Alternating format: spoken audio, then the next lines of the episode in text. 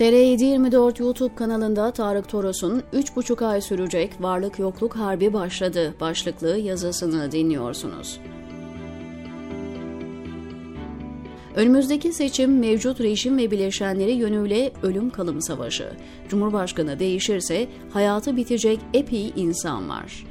Yerine gelenin bu kadrolardan nasıl kurtulurum diye düşünmesine lüzum yok. Erdoğan yola çıkarken bizzat 10 Temmuz 2018 tarihli 3 nolu kararname ile düzenledi bunu. Atadığı binlerce bürokratın görev süresi kendi döneminin bitimiyle sona eriyor. Valilerden elçilere, MİT Başkanı'ndan TRT Genel Müdürüne, Diyanet, Merkez Bankası, TÜİK ve SGK başkanlarına, TMSF başkan ve üyelerinden emniyet müdürleri, müftüler ve rektörlere, ÖSYM ve YÖK başkanlarına kadar yığınla isim. Yani muhalefetin göreve gelirsek bunları göndereceğiz demesi gerekmiyor. Erdoğan'ın getirdikleri otomatikman onunla beraber gidiyor. Bu bilgi seçimin ardından yapılacak temizlik yönüyle iyi bir şey olduğu kadar seçime gidilirken Erdoğan'la beraber yan yana harp edecek savaşçıları tespit yönüyle de mühim her şeyini yitirecek, kendini yargının önünde bulacak ve bulaştığı suçlar itibariyle belki hayat boyu gün yüzü göremeyecek bir kitleden bahsediyoruz.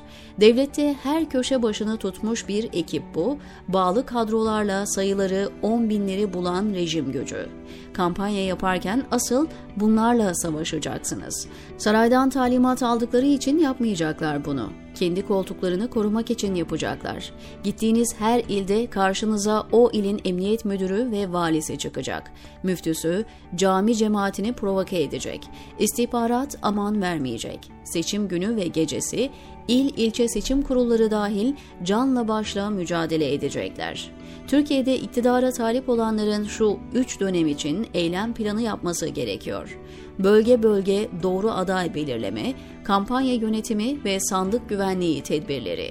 Seçim günü ve gecesi yapılacaklar. İletişim, sevk ve organizasyon, yurt sathında uzman hukuk ekibi. Seçim ertesi iletişim ve takibi.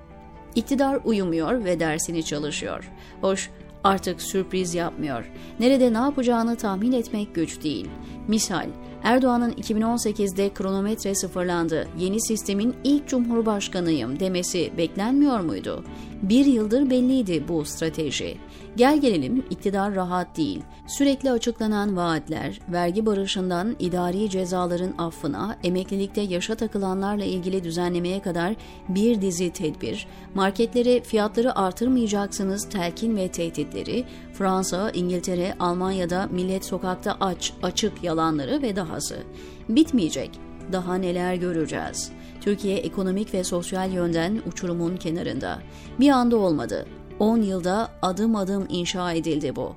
İktidarı, sivil toplumu, medyası, polis gücü, yargısı, muhalefetiyle, el birliğiyle. Tüm anketlere ve ortalamasına baktım. Durum aynı.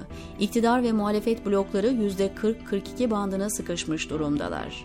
Böyle giderse Cumhurbaşkanı seçimi ikinci tura kalacak. İkinci turda da %15-17 civarı Kürt ve kararsız seçmenin oyunu alan kazanacak. Bu kadar açık ve net.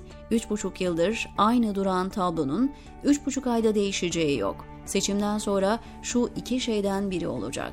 İktidar kazanırsa muhalefet büyük bir psikolojik yıkımla uğraşacak. Muhalefet kazanırsa iktidar hemen teslim olmayacak.